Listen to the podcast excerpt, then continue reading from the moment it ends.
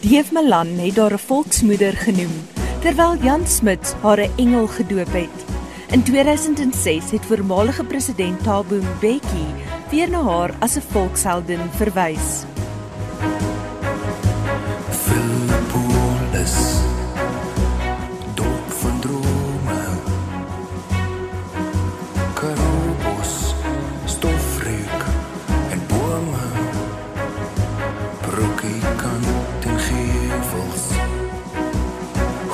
huis vol van nevels, huis hart van vlevers.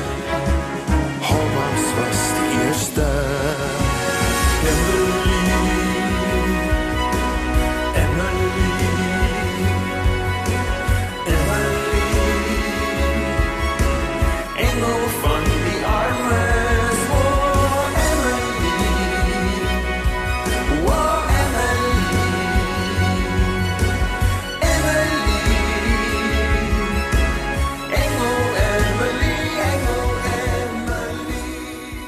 Terwyl die voormalige politieke leiers haar lof besing, gebruik hedendaagse historiese 'n meer kritiese lens om oor haar nalatenskap te besin.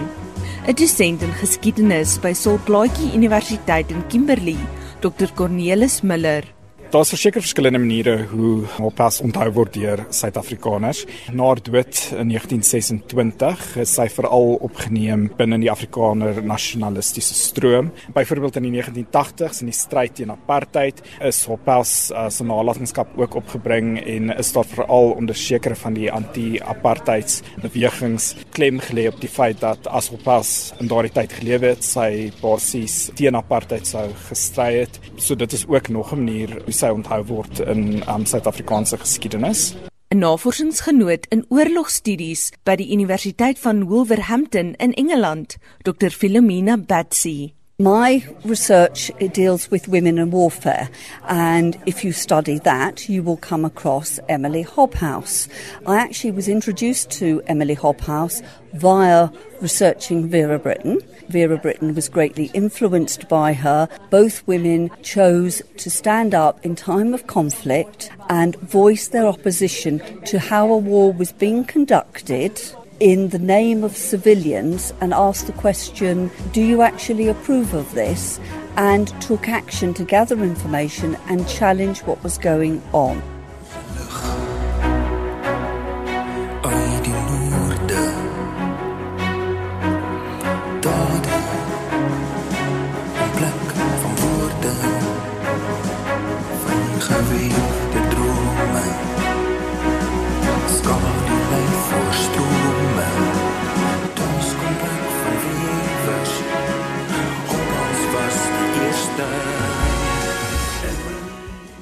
Volgens die skrywer van die boek, Emily Hobhouse, geliefde verraaier, Elsie Brits, was die Anglo-Boereoorlog 'n keerpunt in Hobhouse se lewe. Dit het definitief die grondslag gelê vir haar om 'n murg en been pasifist te word wat sy later in haar lewe ook uitgeleef het gedurende die Eerste Wêreldoorlog. Maar dit het haar definitief radikaal gemaak om te veg vir vroue vir stemreg en mense kan sien in die werk wat sy doen het was definitief iemand wat 'n belang gehad het by vroueregte en uiteindelik sy was 'n fluitjieblaser en vegter vir menseregte lank voordat dit mode geword het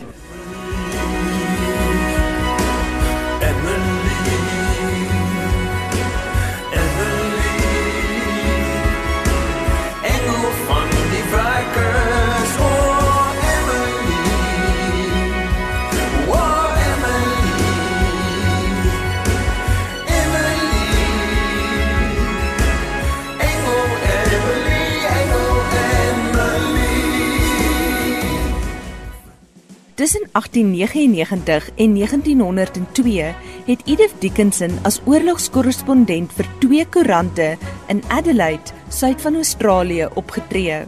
Skrywer Anthony Hawking sê sy navorsing oor Dickinson toon dat sy nie 'n katjie was om sonder handskoene aan te vat nie. She was appointed as a special correspondent, but she was given strict instructions to tell her stories from a woman's standpoint. So she wasn't allowed anywhere near the fighting. She was fully accredited, but it was thought unsuitable for her to be in the actual fighting. But at the moment the battle was over, Edith would go there.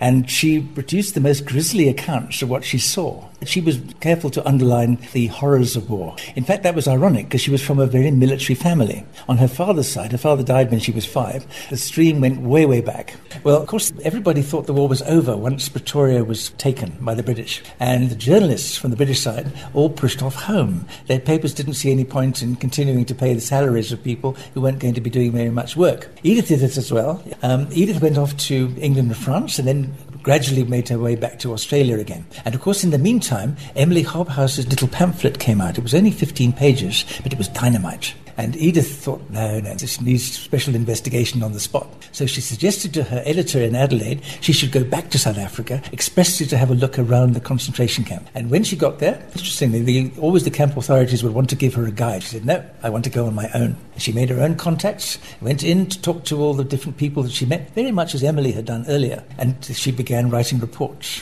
and the army censors they allowed a lot of quite interesting material through but there was a lot that was taken out.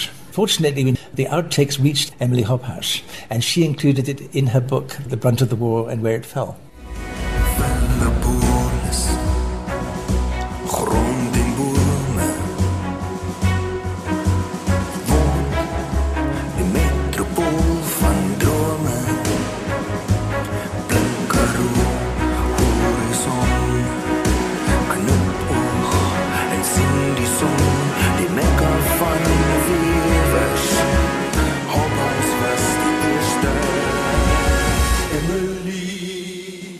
Britse skrywer Vera Britton was maar 6 jaar oud toe die Anglo-Boereoorlog uitgebreek het.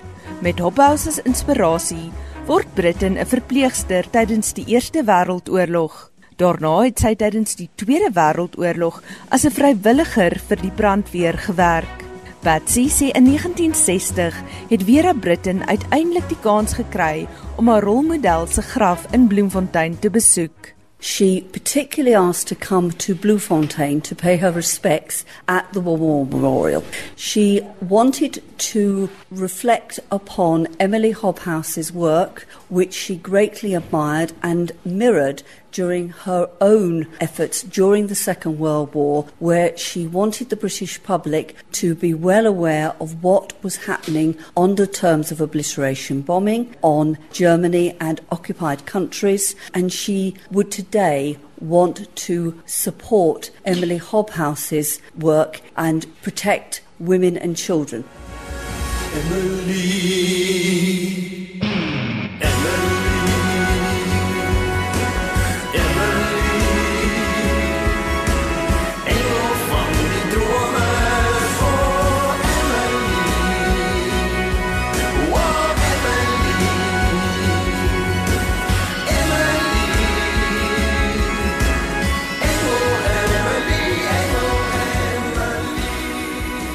Daar 'n les uit hierdie historiese vrouens se lewens te leer? Betsy glo so.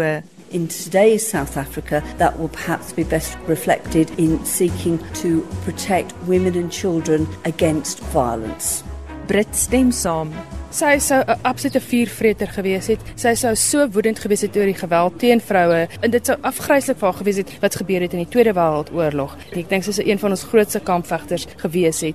Weet maar destyds is 'n Victoriaanse vrou moes net gesit het by die huis, klavier gespeel het en geborduur het vir al iemand van haar stand en sy was nie iemand wat 'n stem moes gehad het. In haar tyd is daarop neergekyk. Sy is iemand wat opgestaan het en wat die magtigste ryk in die wêreld daardie tyd het sy gewys. Weet self vroue vandag nog. Is nie veronderstel om te praat nie. Hulle is nie veronderstel om op te staan nie. As hulle dit doen dan is hulle emosioneel en hysteries en dis presies wat hulle vir Emily gesê het sy is. Ek meen daar was sy nie in haar eie land geëer vir wat sy gedoen het nie.